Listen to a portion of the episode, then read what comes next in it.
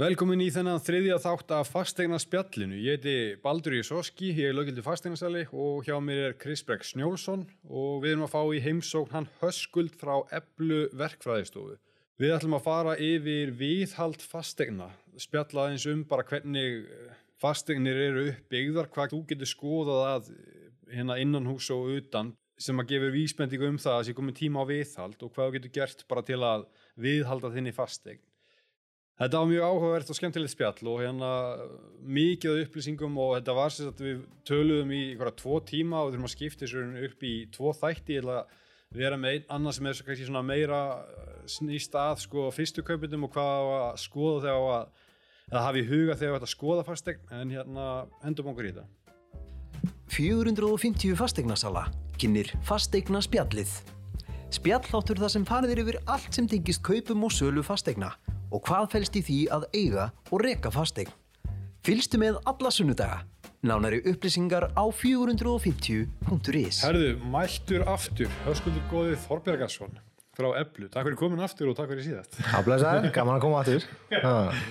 Herðu, nú er komið að viðhaldi fastegna. Kannski fyrir við aðeins meiri, við töluðum svolítið í, í síðasta þætti sko, um bara fyrstu kaup, hvað á í huga og fórum reyndar aðeins yfir í viðhald fastegna líka. En við fyrir kannski yfir bara núna aðal atriðin, sko þak, lagnir, ramagt, dren, gluggar og bara ytra byrði allur pakkin. Hvað er henni, þú veist það er margt af þessu sem að þú kannski ert ekki að fara í fyrir það bara á reynir. Það er bara drenið, þú ert ekki að fara kannski að uppfara það eða laga það nema að það sé komið tími á það. Er eitthvað af þessu kannski sem að, þú veist, er hægt að viðhalda, þannig að þakið, þú getur hugsað um það þannig að líftímin endist hvað af þessu getur þú svona kannski fylgir almennu viðhaldi fastegna? Já, mitt, þetta er svona þetta er kannski ekki alveg svona svolítið þessi viðhaldsbransi þetta er kannski ekki alveg svona bein lína sko. Þetta er ekki alveg svona þetta er ekki mjög augljóst þegar maður gengur að einhverju húsi sko hvernig maður er alltaf einhvern veginn að halda þið við. En, en eins og hjá okkur eflu, þá erum við að við erum að selja svona ástandsskoðanir þess að við komum bara og metum í hver skipti fyrir sig bara hver, hver viðhalds þörfin er. Mm. og oft er nú ekki ringt í okkur eins og nefndir það er ekki ringt í okkur fyrir að það er komin upp ykkur vandamál. Ja, þökin er fann að leka og, og, og miklu meira það bara gluggarnir eru bara ónundir og, og allt þetta því. Þannig að við erum ofta ekki í þeirri aðstöðu að koma þó að við reyndar að gera það og bjóðum upp á það að gera uh, svona viðhalds áallanir og kannski svona starri húsfélög hafa óskað eftir því að við komum og gerum ástæðskoðun og síðan fylgi einhver viðhalds uh, þjónustu pakki með þá einhvers konar forgangsröðun og, og svona áfangaskiptingu Já. bara upp á framtíðina við höfum tekið blokkir uh, við, við höfum til dæmis uh, með blokk á, í Vesturbænum sem er ganga núna hjá okkur annan ringin mm. Ah, okay. Við erum með starfsmann hann á okkar sviði sem hefur búin að vera einhver 20 ár og hann er komið næsta ring hérna með eina eign. Já, okay. Þannig að það, það er bara viðhald samningur í gangi og það er bara, það er bara, það er bara gömul ástandskoðun sem að rauninu að veru og viðhalds áallir sem liggur undir, það sem að húsi var bara að skoða mjög svona taktíst, það bara skoðu uppbyggingin og hvernig, hvernig húsi er og virkar og ástandi á þeim tíma að teki fyrir og þá hefur bara skipt upp eftir eftir eftir stegagöngum í raun og veru. Hvernig eh, viðhaldi sé að fungera bara næstu árin. Þetta eru margi stegagöngar, þetta eru átta stegagöngar eða einhvað því um líkt. Þetta eru ofta skemmt með stór, stór fjölbílishús eða ekki? Já, það er svona starri fjölbílishús sem kannski fara á staði svona. Þetta er kannski svona, þetta, er, þetta tengist náttúrulega kannski inn í svona formenn húsfélagana sko, það fyrir eftir hversu stórtæki þeir eru náttúrulega og hvernig bara samstæðin í blokkinni er hvernig, hvernig fólk tekur á þessum málum er flóki mála að halda utan um svona húsfélag og, og hana, oft er framtíðasínin ekkert rosalega sterk í þessum húsfélagsbransa mm. það er ekkert íla meint en, en oft er það bara þannig að fólk er að flytja inn í þessar blokkir og svo hefur það í hyggju að flytja eftir næstu 5 eða 10 ár einhvað annað. Þannig að þú veist, kannski ekkert allir íbúar æstur í að vera að framkama mjög mikið og vera með eitthvað fjöbundi í framkvæmdum en það er vissulega mjög mikilvægt að halda þessum eignum í góðu standi bara upp á framtíðar verðmæti og bara halda, halda svona eigninni sinni í góðu ástandi. Þannig að mikilvægt í því samhengi að vera með eitthvað góða viðhalds eh, bara gott viðhaldsplan mm. sem að er svona skýrt hvernig gengið er í þetta og ef að menn eru svo framsýnir að vera með svona viðhalds áallin þá höfum við betri svona eh, til dæmis við tölum við eblu þá, þá erum við náttúrulega með mjög mörg verkefni og við erum að bjóða út mikið verkefnum og okkur hefur fundist best að bjóða svona starri viðhaldsverkefni út snemma ás Mm. janúar, februar Okay. Að því að janúar, februar eru þessi stóru verktaka sem er að leita sér af verkefnum í viðhaldsbransanum.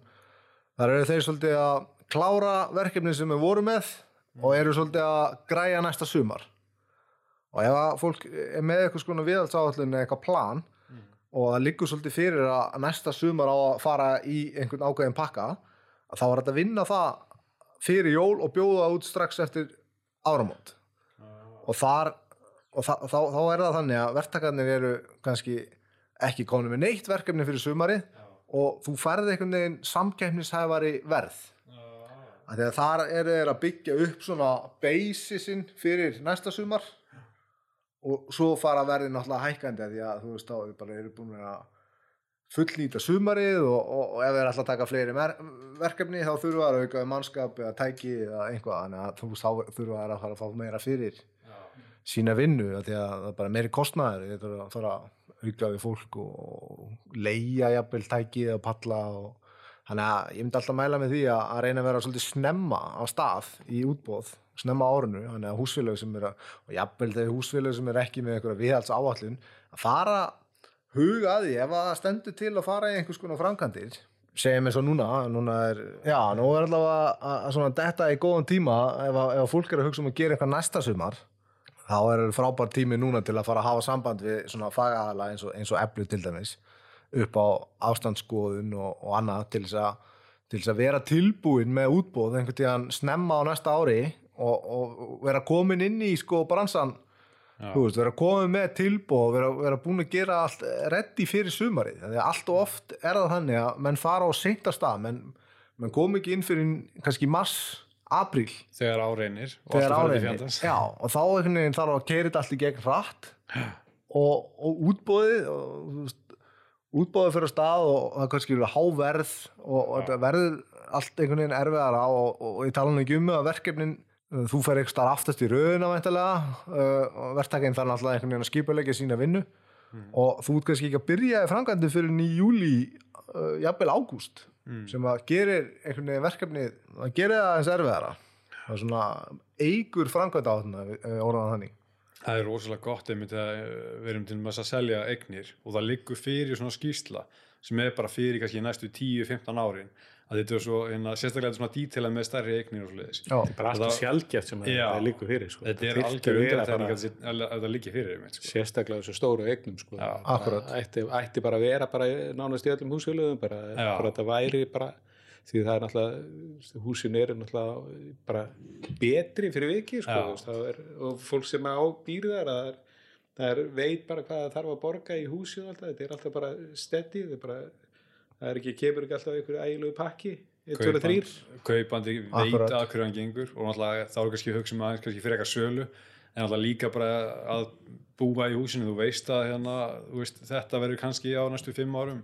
Það er svona flott, þú veist, að sé að það sé ekki einmitt verið að fara í einhverju paniki loksist þegar eitthvað klikkar og byrjar að leka og svoleiði, sko. Akkurat. Og, og þá er náttúrulega ef að viðhalds áallun liggur fyrir og, og fólk að fari í þetta svona svolítið svona markvist þá, þá ert að komast hjá því að það er svo margt sem getur skemst að meðan þú ert bara hreinlega að býða eftir ástandskoðun og, og þú ert að býða eftir verktaka og að- þetta er langt ferli sem fyrir stað þegar þú loksins fer á stað. Verður dýrar og dýrar og dýrar þetta verður dýrar og dýrar og dýrar sko. Að, skemmir út frá sér oft líka ef þetta eru leki eða þannig, sko. já, akkurat. Að það er svo margt sem getur skemst á leiðinni sko. En hérna með sko minni eigni, bara fólk er kannski bara fjórbíli eða fólk með svona kannski ekki alveg stóru fjölbílishúsin, þú veist, ég myndir mæla með því að fá svona skoðun svona, þú veist kannski sirka hvenar var farið í lagnir og þak og svona en samt að að fá svona skoðun. Er ekki bara gott að vera með svona skýrslu fyrir líka þess að minni eignu þótt sé bara fjörbilsjús eða eitthvað slíkt sko. Jó, jó, klálega myndi ég mæla með því að allir myndi fá sér svona ástandskíslu sko, það er alveg klart mál. En, en, en það er náttúrulega þannig að, að svona minni eignir, þetta, þetta verður náttúrulega kostnaða meira eftir því sem maður er farið eignir en, en, en á- ástandskíslu geta verið þetta getur verið mjög mismunandi sko skópið á þessum verkefnum eða sérst umfang verkefnuna ástandskísla getur verið allt frá að vera mjög stutt ástandskísla sem gefur samt sem áður góða hugmynd um svona ástandið þó að sé ekki svona ítarleg greining eða, eða kostnaðagreining með því. En svo geta það verið mjög ítarlega með áfangaskiptingu og, og öllu því sem því fylgir. Það bara fer svolítið mikið eftir í bara hva, hvernig, hvernig fólk svona sér aðkomun okkar að þessu. Veist, hversu mikið umfang er verið að óska eftir. Stundum er þetta bara heimsóknar sem við bara rétt svo tökum stöðuna og skrifum kannski eitthvað tölvupúst eða eitthvað. En, en, en svona til þess að vera með einhverja viðhaldsáallinu höndunum þá, þá, þá myndi ég alltaf mæla með ítalegri skýslu uh, það sem að fari svona aðeins meira út í svona uppbygginguna og, og til dæmis á þæki og veggjum og, og svona mögulegi gallar svolítið svona dreigni fram því að þú færð það ekki í þessu minni svona skýslum maður þarf ekki að vera byggingaverkvæðingu til að taka út svona hús skilur við, ef maður hefur einhvers konar margir þekkja einhver fólk sem eru bara smiður eða einhver bara mjög hæfir bara handlæknir sko, handlægi fólk sem að þekkir tilögin á bransan og, og, og það getur alveg hjálpa sínu nánustu að skoða einbíli og hjálpa þeim að ákveða hvað, hvað þarf að gera næst og, og svona og uh, síðan er að kannski gera sér grein fyrir kostnaðanum, það er kannski eitthvað annað mál og, og þá er hægt að leita í, í þessa efnisala ef maður er á annar borð að gera sér grein fyrir hvað maður þarf að kaupa sko. oft, oft blöffar þetta mann aðeins sko, eða sérst þeir sem er að reyna að gera þetta sjálfir þeir lenda oft í þeirri grifju að þeir þekkja kannski ekki alveg nógu vel til og ætla að reyna að retta sér og horfa framhjá ákveðnum kostnæðilegum sem að koma sér inn í bakið að þeim setna þannig að e, já, eins og bara þú ætlar að laga einhvers konar þak og, og þú ert að velta þig fyrir þú ert að kaupa þakjarni, naglana og pappan einhvern veginn. Og þú fær tilbúið það en svo kemur í ljós að þú glimtir að pæli öllum áföllunum og kjöljarninu og, og síðan þetta hýfa járnið upp mögulega. Þú vart að vera með verkfæri sem átt ekki þú vart að leia það þú veist, þetta er svona tínist til alveg svona pakki sem að fólk einhvern veginn átt að þessi ekki alveg á. Og svo kannski yðnaðmaðurinn og hann er kannski þú veist, út að fara að staða í þetta og yfir sumatíman einhvern veginn og ringir í einhvern sem kannast við maður þekki mann eða eitthvað og, og, menn eru bara bókaðir á sumrin. Og menn eru svona minni verkefni þá reyna menn að koma þess að einhvern veginn sko, sérstaklega ef það er einhver tengsli það er mjög algengt að svona tengslamyndun vel- veldur því að menn reyna einhvern veginn að redda hlutunum. Og það getur oft líka bara farið svolítið úskeið sko, menn eru svolítið mikið að reyna að Já. en, en svona kemur aftan að þeim. Þannig að getur henni borga sig að eigða líka smá pening að hérna, þegar kemur að viðhaldi þetta er náttúrulega aðeins meira mála heldur en að smyrja bílinn, þú veist, að viðhalda fastegn. Já, þetta er svona og það er nú kannski svona stóri líka kostnæðarlegin í því sko ef maður tala um viðhald fastegna það er svona það er einhvern veginn að átta sig á því hvað ger ég fyrst þú veist, hvað gengur fyrir og hvað má geima hvernig get ég einhvern veginn að því að það er rosalega algengt einhvern veginn í, þessum dag og sérstaklega við erum að tala um uh, þetta tilfelli þar sem að fólk er að kaupa hús og ætlar einhvern veginn að fara að viðhalda þú kaupir hús sem er í sem að þarf að viðhalda og, og þú þú forgangsraðar einhvern veginn ránt og þú, þú, þið langar rosalega til að gera þetta hús sem þú varst að kaupa og þú sé fyrir þér og vilt hafa rosalega flotta eldursendingu og flýsar og eitthvað og þú, þú veður einhvern veginn á stað og lagar það allt. Þú, gengur svolítið langt í því að búa til drauma húsið en, en, en gleymir á sama tíma einhvern veginn að átta þig á því að allt sem þú lagar inni á þeim tíma sem að úti hlutin stendur eftir er í hættu vegna þess að þú mögulega að leika þaki eða leika gluggar eða það er einhver, einhver, einhvað sem gengur ekki úti og það getur skemmt nýja parkitið eða fataskápin eða hvað sem það er á lengri tíma. Þannig að maður myndi alltaf veist, maður skilur það auðvitað að það þarf stundum að gera þetta í einhverja öðruvísi röð, þetta er ekki allt klift og skori sko, en maður þarf þá að vera með einhvers konar plan, eh, tilbúið til þess að svona stökkva á og, og svona koma vekk fyrir tjón, af því að allt og oft sér maður það, að fólk byrjar öfum einn mm. og, og situr svo uppi með einhvað tjón sem að hefði ekki þurft að verða.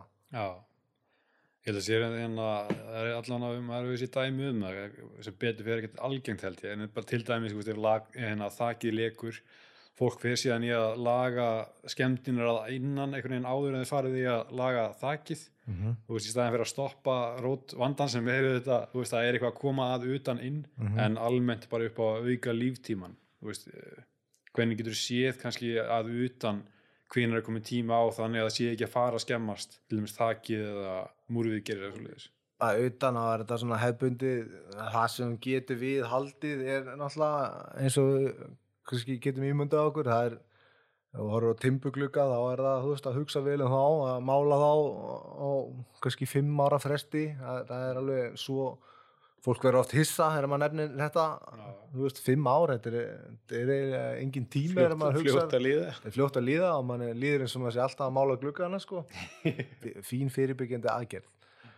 Uh, sama með þakið að, þú veist, ef, ef að maður er, þú veist, allt auðvitað, þarf að mála og, og, og, og reynsa og, og fylgjast með bara á meðan uh, maður er að vinna í þessu. Oft eru, oft eru hlýðar sem eru áviðs, það eru kannski, uh, það eru náttúrulega undir meira álægi og maður sér það til dæmis að þakköntum og gluggum að það geti þurft að mála það eða halda því eitthvað meira við heldur en öðrum gluggum.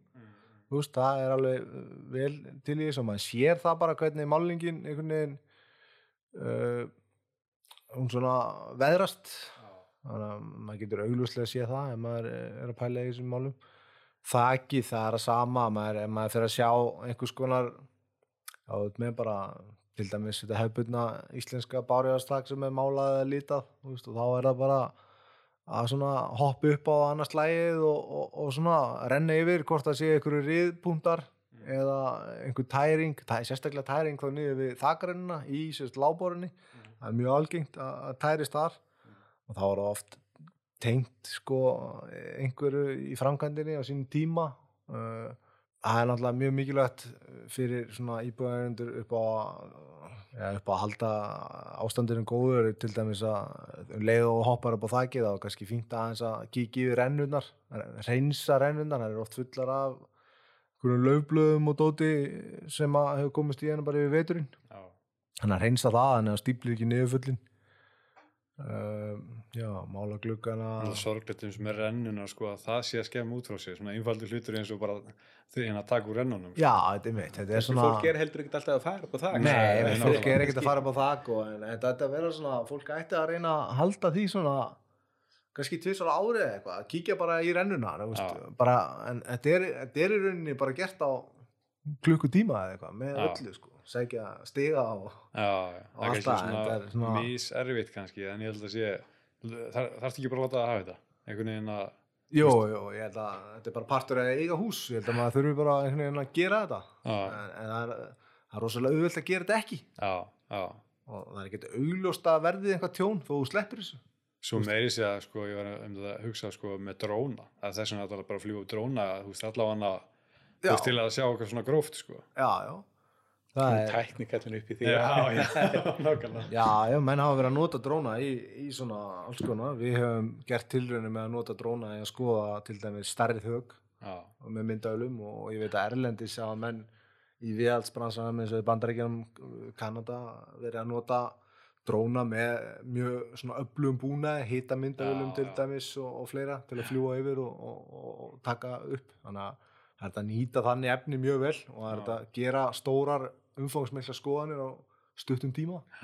Þannig að kíkja á allavega eh, glugga kannski fimm ára fresti og svona fyrst er að þessu, þú veist að kíkja á kannski það ekki líka. Já, já, og, og það er náttúrulega fleira, það er náttúrulega, eins og við náttúrulega rættum kannski í síðasta þætti, það er náttúrulega rosalega allt þetta viðhald stóð byggir svolítið á því að maður viti hvað maður er með á höndunum Já, já. hvernig til dæmis útvegurinn er uppiður eða það ekki Já, það kanturinn, þú veist, er þetta lofta eða maður að passa sig að breytingu í, í svona hönnuninu húsinu þegar maður er að viðhalda í. Já, svo er það líka spurning hvort þessi timbrús, steiftús eða hvað. Já, já, klálega, það skiptir náttúrulega mjög miklu máli. Ef þú ert með, með eitthvað svona timburhús sem er klætt af utan þá náttúrulega, náttúrulega er það líka, það er að skoða það hvort að sé mögulegt að sé að leka mikið, þá erum við að tala um eitthvað að náttúrulega lekur loftrasa klæningar eru bara gerðar til þess að ja, ja, kemst eitthvað vatnan á bakvið þá loftið geta þurrkað upp rakan og þannig er bara funksjónin. En ef það er eitthvað mjög augljósir svona lekastæðara sem að kemur mjög mikið vatn, miklu meira heldur en við getum kannski átt vona á við- með við svona hefbundin hönnaskilir þá þarf náttúrulega að komast fyrir þá leka og það til dæmis á við eins og við vorum að tala um með rennunar ef rennunar er stíplar og getur verið að byggja upp vatn í rennunni sem að einhvern veginn endar ofan í vegnum já. eða inn í loftbílinu eða inn í einhverstaðar og læsist inni. Og, og þá er það bara spurning sko, er loftunin eða þetta loftrasta bíl er þetta, er þetta nógu öflugt til að þurrka þetta upp? Eða, eða munum við fá eða munum við hækka efnisrakan í byggingar efninu eða munum við bara skila sér inn í einangrunarbilið sem að getur valdið skemmtum til lengri tíma, bara fúa og, og jafnvel eh, raka skemmtum sem að, sem að við þekkjum kannski almennt undir nafninu mikla. Já, já. Þannig að, já, er svona, en ég myndi að því vorum að tala um þetta viðhald, sko, ef maður ætlar að fara bara út einhvern veginn og átta sig á því hvar, hvað þarf ég að gera núna, þá, þá, þá myndi ég einhvern veginn beina fólki alltaf að því að átta sig á hvað er með höndunum og horfa í alla að- það sem ég kalla svona jaðarskiliri og það myndi kannski útskýra þannig að sem að horfa í alla tengipunkta sem getur verið veikir. Til dæmis það sem er gluggagatt þar eru svona detailar sem að eru svona það er meiri áhætta að einhvað hafi klikkað í frágangi við gluggagatt heldur en við bara hefbundin bara venjulegan vegg og ef það er einhvers, einhvers konar silla eða einhvað í, í útvegnum einhvers konar detailar í húsinu sem að það eru svona eh, öll þessi jaðaskilir í tenginga við þak, tenginga við svalir og svona allt sem einhvern veginn er ekki bara hefbundin beinn útvegur. Þar eru, eru áhættupunktanir þannig að ég myndi beina fólki svona því að reyna að pæli, pæli því. Þannig að þetta er svona kannski það sem maður skoðar svona að utan allavega er kannski í kringum þá gluggana þakið en í rauninni eins og bara inni. Veist, er þetta er eitthvað sem getur séð eh, svona svipað eins og þetta inni. Ramagn, þú veist það kannski ef það er eldgumul tabla kannski fyrir að huga því að skipta henni út. Inni er þetta svona aðeins öðruvísi sko, inni erum við kannski minna að díla við svona funksjónin í húsinu veist, þetta eru innréttingar og, og þetta eru klæningar en Þetta auðvitað, er mikla. já, auðvitað getur komið upp mikla en hún tengist þá í, í lang flestum tilvikum einhverjum veikum punktum úti eða þá uppbygginga raka uppsöfnin inni er til í.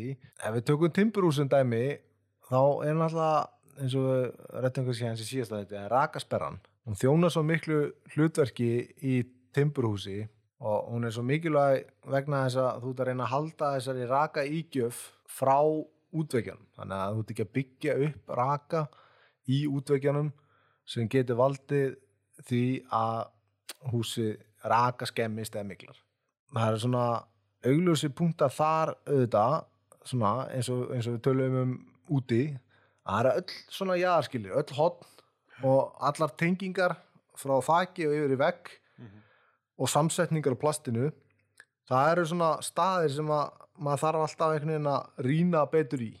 Tengingnir á gólfplötu til dæmis. Það eru svona já, tengingar sem þarf maður að, þarf að pæla svolítið mikið í þegar maður er í aðstöðu til að gera það. Auðvitað maður er ekkert í aðstöðu til að skoða rakasperruna ef maður býr í húsi sem maður kifti tilbúið og þetta ekki nefnir aðstöðu til að skoða það. Nema komið bara hreinlega upp svo staða að þú ert bara með mjög skemmta klæningu inni í útveikjum til dæmis út með útveik sem er byggður upp að kannski einhver gifsplata eða spónaplata eða einhvað sem er máluð á útveik og hún er mjög raka skemmt. Þá þarf að fara aðeins að huga því hvort þú ætlir ekki bara að opna veggin og sjá hvo- hvort það sé einhvað hana sem að sem að augljóslega veldi að það er að leka. Og lekin getur verið annarkvort er hann að koma utanverðu hann er að koma vegna rakaýbatikar innan þess að heita raka lofti er að komast út í útveginn og, og þéttast. Eða þetta er samblanda báði Nú ekki, getur ekki líka verið möguleikið sko að nú eru mikið af lögnum inn í vekkjum og það náttúrulega er, getur verið hugsalega í sumi tilfellin þar. Það getur verið, já getur verið. Ef þú ert með timburhús, uh, þá eru menn einmitt að setja, og maður er oft með þessar lagnagrindir, og það sem að menn er að leggja einhverjar lagnir og uh, það er náttúrulega veiki punkt að fara líka og ég myndi alltaf einmitt benda fólki á ef að, ef að það er einhver grunur um að þessi leki í, í opnalögn, þá er það kannski fyrst og fremst að reyna að skoða þessi nýje og, og þessar tengipunta í þessum lögnum. Uh, maður getur náttúrulega ekki vita hvar þeir eru ef að þetta eru á bakvið einhverja veggi. En þá, er, þá ætti maður að sjá það þá er, þá er mjög líklegt að þú sért með einhvern staðbundin sem vandraða stað. Þú með einhverja útfelling á vegnum sem er bara mjög staðbundin og er ekkert á fleiri stöðum. Þannig að þú myndið þá væntalega að reyna að opna bara þar inn og sjá hvort að þetta tengist þá þessari opnalögn Mm þá í því tilfelli koma til dæmis hitamyndavelar mjög góðu gagni af að þar getur séð hreinlega bara ef þú ert ekki klára á því hvort að lögnin er þarna bakvið þá getur þú nota hitamyndavelar því að þá, þá sérðu lögnina.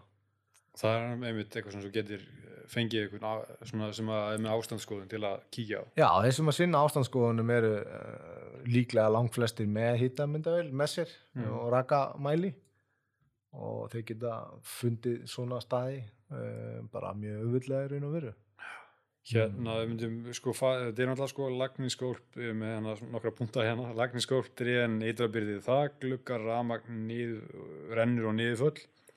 Sko, eh, við förum aðeins í reynilega bara, sko, ef, ef að þessu er ekki sint, bara einhverju viðhaldi og þú veist hvaða hérna, hvaða afleðingar það hefur ef þetta er, rauninni- ef það er, er ekki sint, þú veist, það er kannski komin ummerki og sér það er ekki hérna út af einhverjum af þessum atriðum við fyrir kannski í hvert atrið fyrir sig lagnir til dæmis, veist, hvað er eitthvað þú kannski ert ekkert mikið að fara að gera þar nema að sé eitthvað vandamál eða eða eitthvað þú sér eitthvað blett á vegnum, veist, þá ert að fara þú ert ekki að fara að skipta þeim út nema að þurfi. Hmm, Nei, yfirleitt er það nú ekki gert. Ekki nema kannski í þeim tilfellum þar sem að, sem að fólk er kannski að fara að taka hús alveg gegn. Já, já, þá er hann alltaf tækifæri og þá þá maður svolítið að vera vakandi fyrir því sko, hvort að bara líftíminn sem komin svo langt að það borgi sér hreinlega að skipta þess út núna. Já, í staðin fyrir að laga húsið allt skilja þetta eftir og svo kemur að því að opnakerfi bilar já, og þú þarft að fara einhvern veginn að umdurna öllu húsinu aftur öllu sem varst búin að laga til þess, að, til þess að laga einhvað eitt atriði. Og oft er þetta mjög svona, þetta getur verið tengt til dæmis svona algengt atriði sem að fólk er kannski að laga hjá sér baðherbyggi eða eitthvað. Það tekur sér til og ætla bara laga baðherbyggið e, flýsalegja allt upp og nýtt og gera þetta bara virkilega flott. Búið að safna þér þessu lengi og, og fer á stað. Veginn er oft svona tendensi til þess að svona skilja þessa hluti eftir. Að- að sko þú kannski býrði í húsi sem er 50-60 ára og þú ætlar að endur nýja barbyggið gera það mjög flott en þú ætlar samt ekki að skipta um kranana eða sérst ekki opkrana heldur sérst bæði neysluvarslagnir og hýtalagnir í veggjónum því að þeir eru búin að spæna allar flýsarnar af og búin að reynsa innrættingunum út það er í raun og veru svo lítið mál að skiptis út. Og þarf ekki að skiptis út uh, í öllu húsinu mhm, þarf bara að koma þær í bara út fyrir baðherbyggi bara til þess að til þess að sért búin að græja það þegar, þegar uh, síðan ef að opna kerfi bíla eða hvað sem, hvað sem gerist í því að að að þú þurfur að fara að skipta um opna að endur skoða einhvað hittapælingun hér, vilt kannski setja gólfhita eða hvað sem þú gerir já, þá ertu bara þá ertu, að þarf ekki að rífa nýja baðið þitt. Þú veist að því að fólk hefur verið að lendi því og lendir mjög mikið í því að lenda í einhvers konar tjóni með gamla lagnir inn á baðherbyggi sem er nýbúið að laga og það, þá, þá koma upp þar aðstæðar að þú, þú kannski færði ekki flýsarnar sem það varst nei, að kaupa það ert að eðliggja þér að einhverjum kabla Já.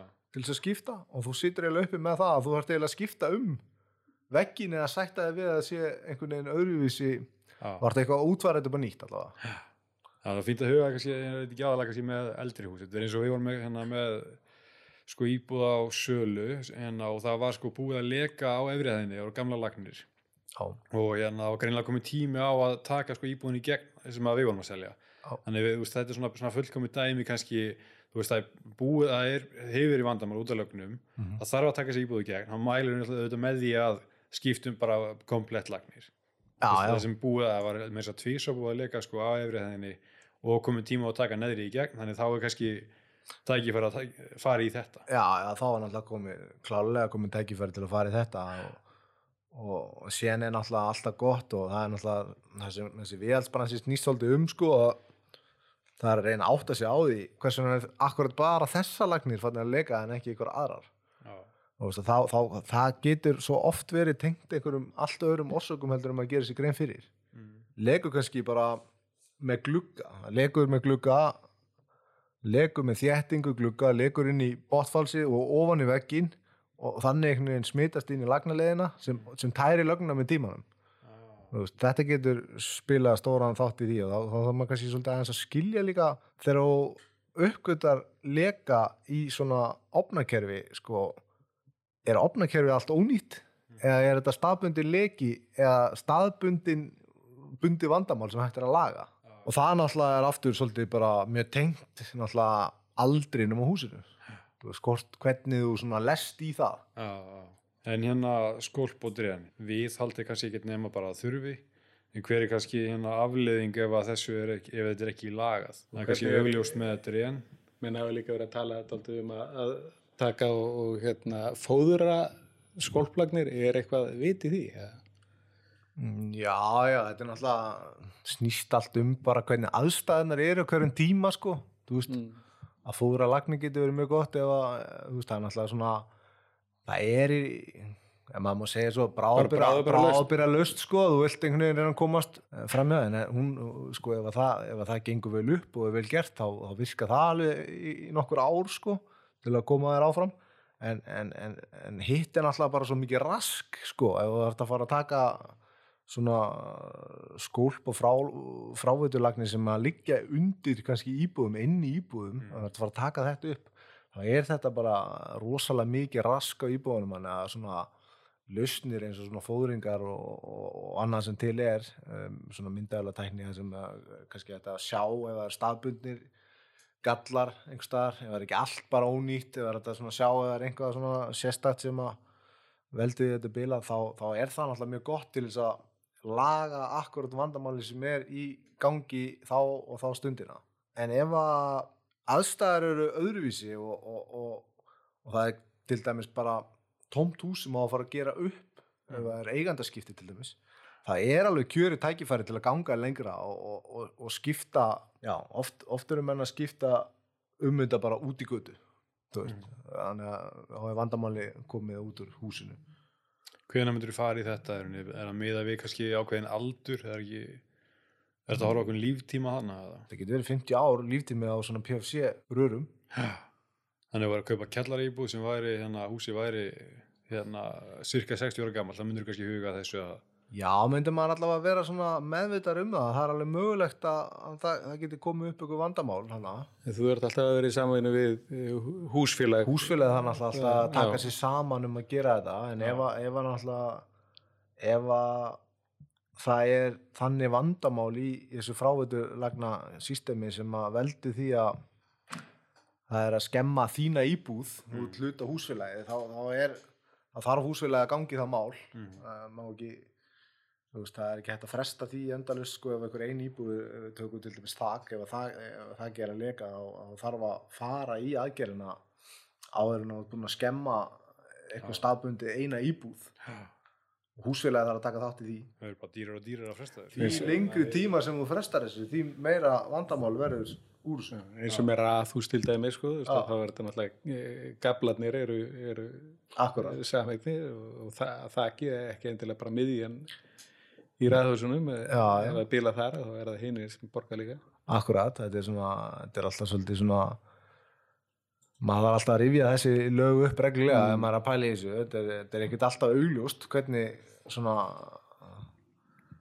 hvernig þessi samegnarlög virka. Þetta er oft hérna einmitt sko með þetta hérna, e, þú veist það er kannski fjórar hæðir og það er hérna greinlega þarf að fara í drén, það er hérna ábyrjandi hérna í kjallarunum og hann er svo einu sér kvartar og hinn er, þú veist, vilja fresta þessu af því að þetta er ekki Það er ekki alveg vandamál hjá þeim sko.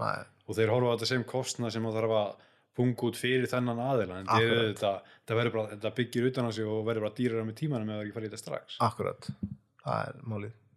En hérna, við erum alltaf búin að dekka svolítið í ytterbyrði og þak, þú veist hvað alltaf, hvað aflengar hefur að fara ekki í þetta, það er alltaf bara, þetta skemmir út frá sig og verður bara dýrara með tímanum.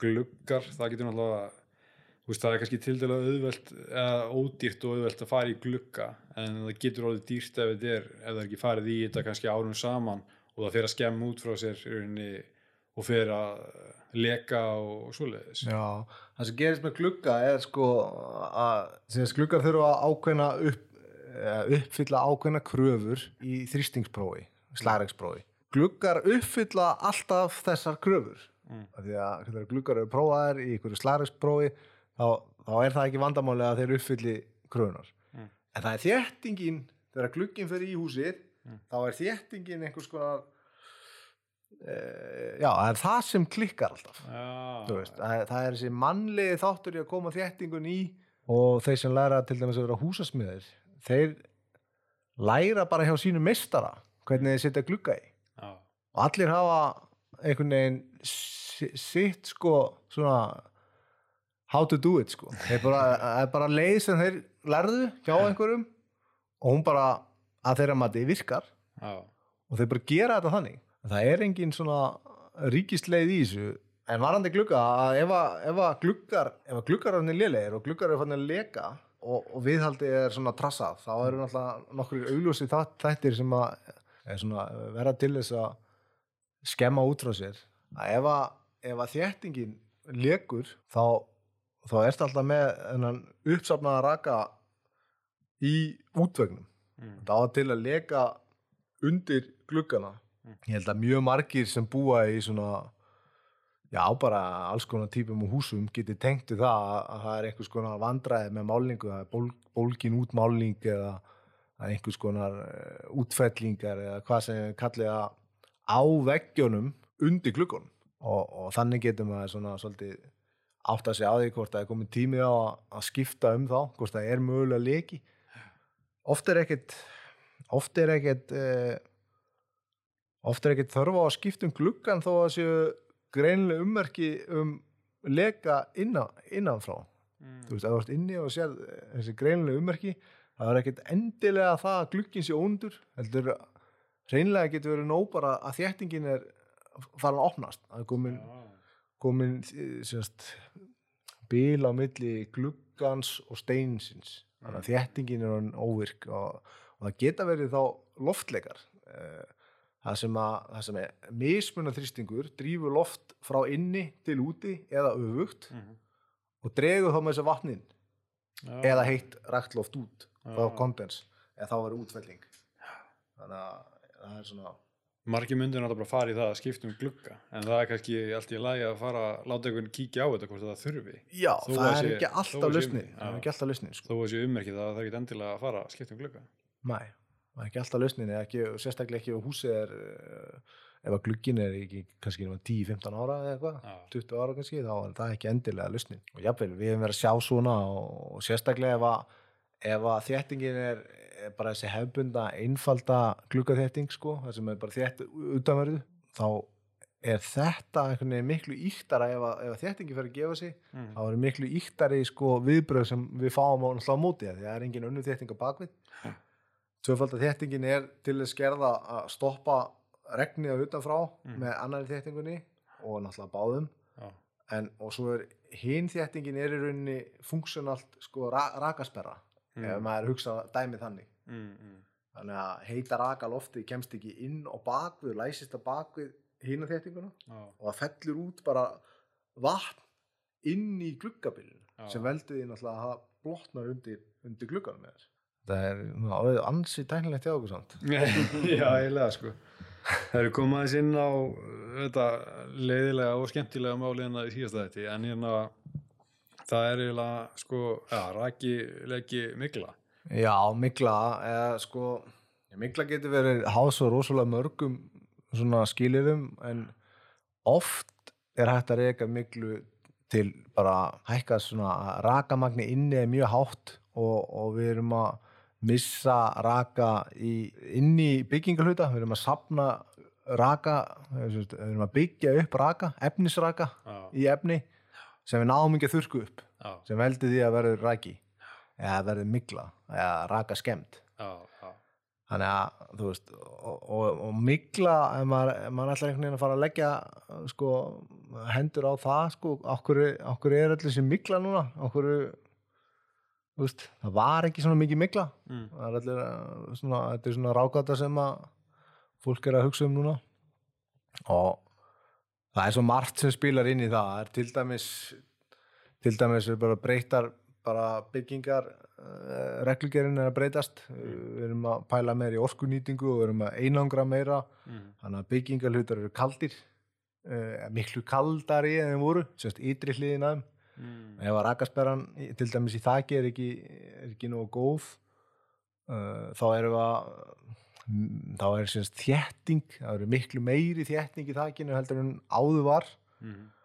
og, og þá er það bara spurning hversu vel þakið okkar er í stakk búið til þess að þurka upp Mm. það kondens eða þéttingu Mm. uh, svo er svo margt í þessu meira með til dæmis þessu útveiki við erum með til dæmis bara mjög flókna útveiki gluggakerfi til dæmis sem að eru uh, til dæmis gluggakerfi sem að er eh, uppbyggt þannig að það eru álprófílar gler og síðan erum við með eitthvað svona létta uppbyggingu þar sem við erum með einangrun í, í bílunum í staðan fyrir gler og, og, og rakasperri og svona, þetta verður, þetta verður svolítið flókið og komið marga svona samverkandi þætti Mhm. og þetta er orðið svona hátæknilegt sístem í raun og veru sem að þólir í raun og veru ekki að að einhver eitt efnislag klikki þú veist, ef, að, ef einhver þétting ef við horfum á svona rakas gluggakerfi þar sem er með álbrófílasystem og gler og gúmiþéttingu, þá erum við að horfa á það sem svona raka sperruna í, í virkninni Mm. ef, ef við erum með einhvers konar tengingar eða einhvers konar eh, einhverja veika púnta, náttúrulega veiki púntar út um allt í svona gluggakerfi þar sem að þú, þú tengja saman rosa mikið af prófílum og gleri og listum og gúmiþéttingum sem þetta, það er alltaf passa mjög vel saman til að koma veg fyrir loftleika því að loft, loft uh, sko mismunaþrýstingur á milli inn og úti hann, er, er svolítið fló, flóki konsept sem að veist, það er nóg fyrir kannski að opna glugga á hérna norðurliðinni og þá kannski ertu komið blúsandi sko mismunaþrýsting á húsið og þú ert með rigningu, þú ert með slagregna á söðurliðina meðan. Þannig að þú getur ef það eru þannig aðstæður þá myndu draga inn loft ef að rakasperran er ekki ef að hún sker ekki á þessa virkni, ef að hún er ekki þétt Já, já, og verður loftleiki í gegn þá getur þú fara að draga inn loft já. og leg og sérst ef það er rigning og dregur loft, þá dregur inn vatn.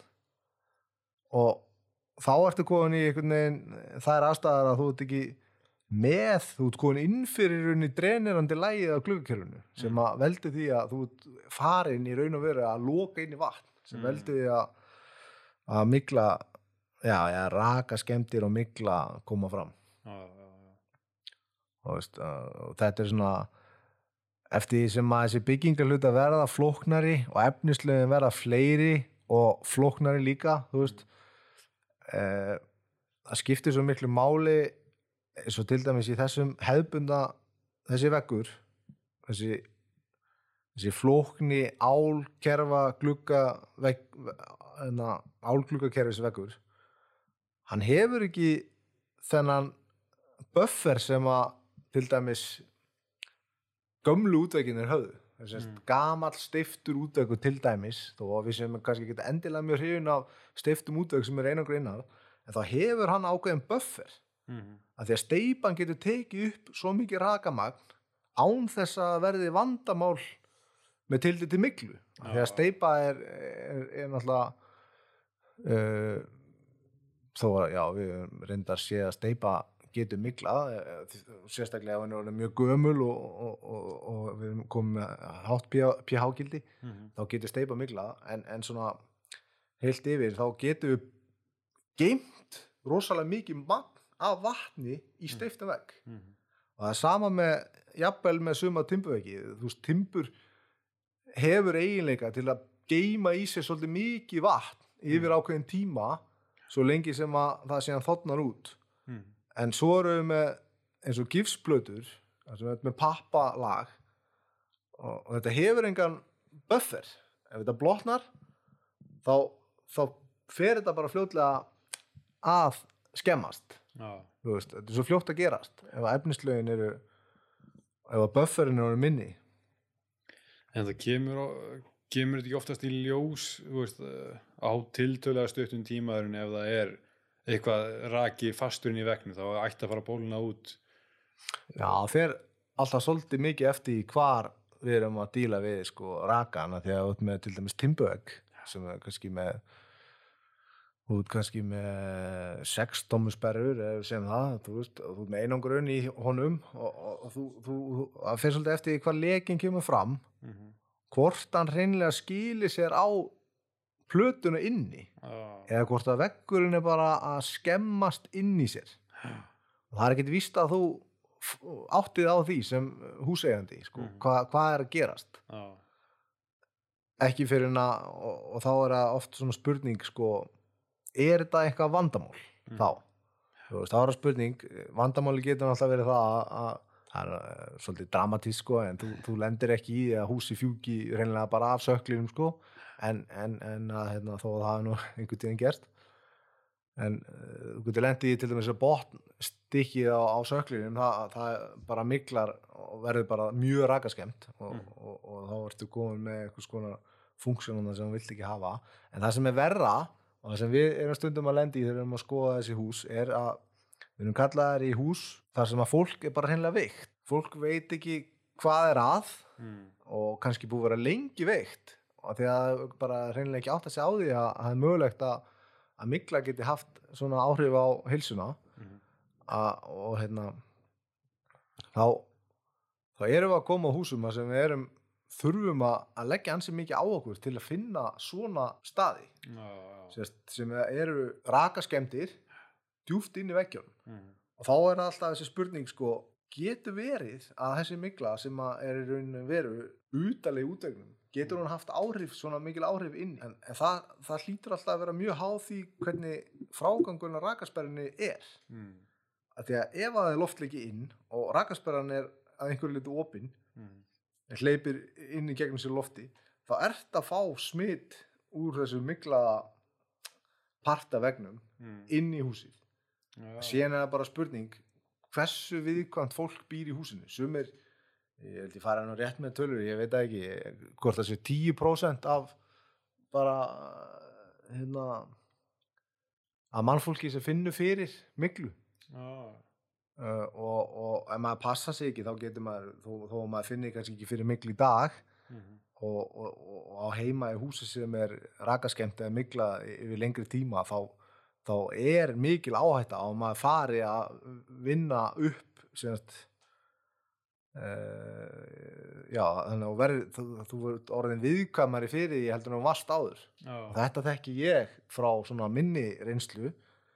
Ég er húsasmiður og vann sem húsasmiður í mörg ára en ég lærði að vera verkvæðingur Mhm. og, og ég eins og bara aðrir húsasmiður er kannski þekkingin ekki nógu góð. Maður er svona lærir ekki nógu mikið um rakaskemdir eða miklu þegar maður lærir að vera smiður. Mm.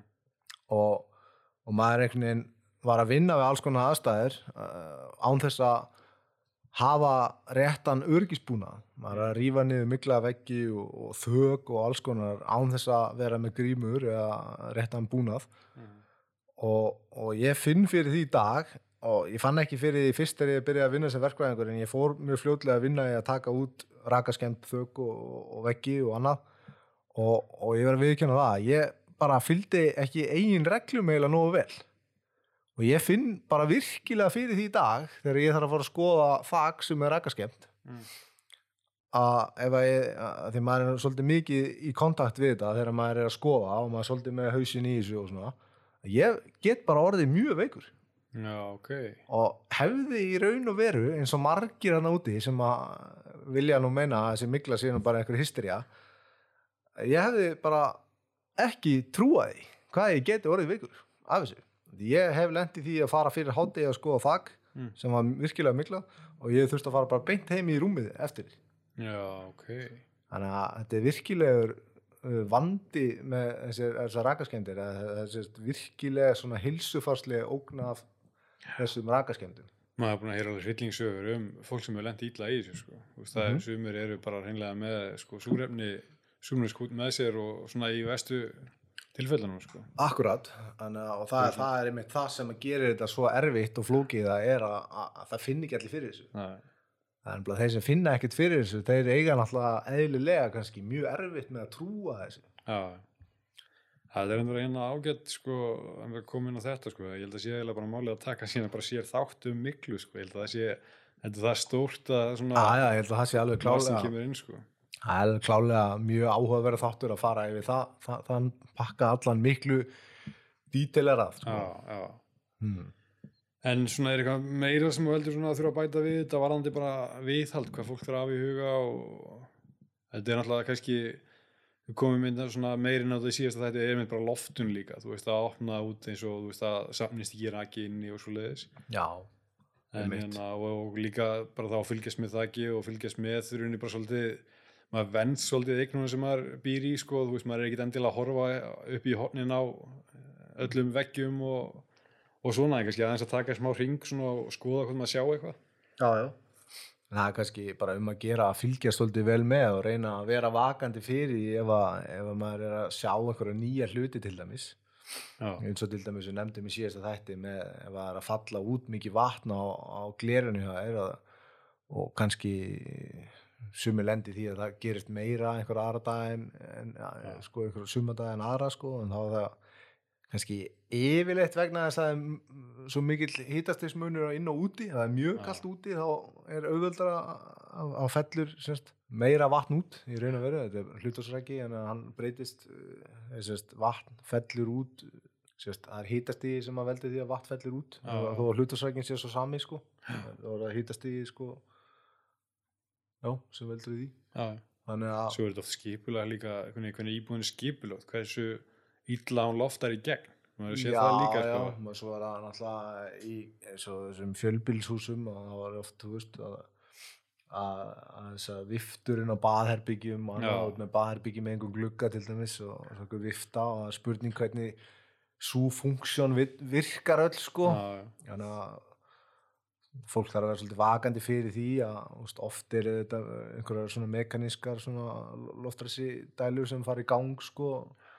Annarkvort með því að maður ítir á einhvern takka eða það er tengt einhverju öðru bara hreinlega þegar þú lokar hurðinni þá fara stundum einhverju dælur í gang. Um, en svo eru til bara þessi loftventlar sem eru komnir á, á svona nýri íbúður í dag sem að verktakar eru að byggja í dag og eru komnir með svona loftventlar sem eru bara hreinlega gata útvegnum sem að bara og, og, og þú getur opnað hann og lokað hann bara með einu handtæki sko Mhm.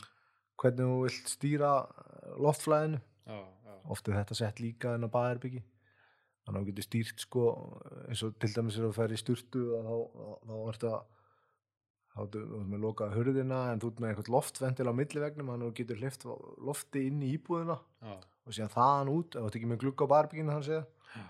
þá getur svona ef maður kallar það þrýsti jafna þá getur þrýsti jafna baðherbyggið þannig að komi rakanum fram og, og þaðan út í Já, einhvers já. konar kerfi hvort sem það er bara hreinlega að opna glugga að svala hurði og, eða þá að koma þessu í einhver, einhverjar loftræsi ventla yfir eldhúsi eða inn á baði eða hvernig sem það Það er bara, fólk þarf svolítið bara að átta sig á því hvernig það virkar þannig að það væri náttúrulega það náttúrulega alflottast sem fólk getur gert er að fylgjast bara með þessu sjálft með rakamælum það þarf ekki að vera svo flókið samt Nei, bara Hvað fylgjast með og kannski svona Já. hafa þetta í huga. Ég held að Þetta sé er eiginlega bara svolítið mikið svona common sense að vera bara, vera bara vera bara meðvitaður um hættunar sko. Mm. það er eiginlega það og bara svona og þetta er svo lítið mál að opna glugga eða er mikið og serða er að falla vatna á glugganum hjá þér Mm. þá opnar bara gluggan Já. og, og reynir bara og, og það er alltaf mikilvægt að þurrka þá líka sko bleituna það er ekki nóg að opna bara gluggan Já, já, já. það er að þurrka bleituna upp þetta bara eins og myndir myndir hella niður á þú myndir hella vasklasi á parketti hjá þér þá myndir ekkert bara, ef þetta þotnar bara. Þannig að ég er með svo mikla loftræsing ég opna bara út í gluggan Já, bara gluggan og, og þetta þotnar bara. Nei, þetta verður komið ón í parketti að hann vist af og, og, og getur skilið eftir sig einhver ummerki þar. Herru, höskuldur, uh, ég er búinn að dekka þetta svolítið nokkuð vel, svo hérna getur náttúrulega bara fengið aftur ef það er eitthvað sem að vantar inn í þetta eða hérna já, endilega tekið hérna eitthvað ef það er- er rigningar um eitthvað ákveðið, svona alltaf kannski spjöldum við miklu nægt tímann. já, klálega. Við myndum taka einhver spjall um það. Það er alveg, það getur verið margi þættir miklu, Já, rækkaskemdir eins og við kannski frekar viljum viljum reyna að nota það orð kannski frekar. Já, miklan er svolítið neikvætt. Já, já, já, já. Sugarcoata þetta aðeins. já, já, já, ekki veitur af ekki veitur af. Nákvæmlega. Það er bara takk alveg kjærlega fyrir komin og bara gaman að hitta þið aftur. takk hérlega, gaman að koma Ef við þakkum höskuldi kærlega fyrir komuna og bara þakka þér fyrir að hlusta. Endilega látt okkur fá einhvern í appinu sem að þú notar til að hlusta á podcast. En í næsta þætti förum við yfir lánamál, endur fjármögnun og svoleiðis, þannig að endilega fylgjast með. 450 fasteignasala kynir fasteigna spjallið. Spjalláttur það sem farið er yfir allt sem tengist kaupum og sölu fasteigna og hvað felst í því að eiga og reka fasteign. Fylgstu með alla sunnudaga. Nánari upplýsingar á 450.is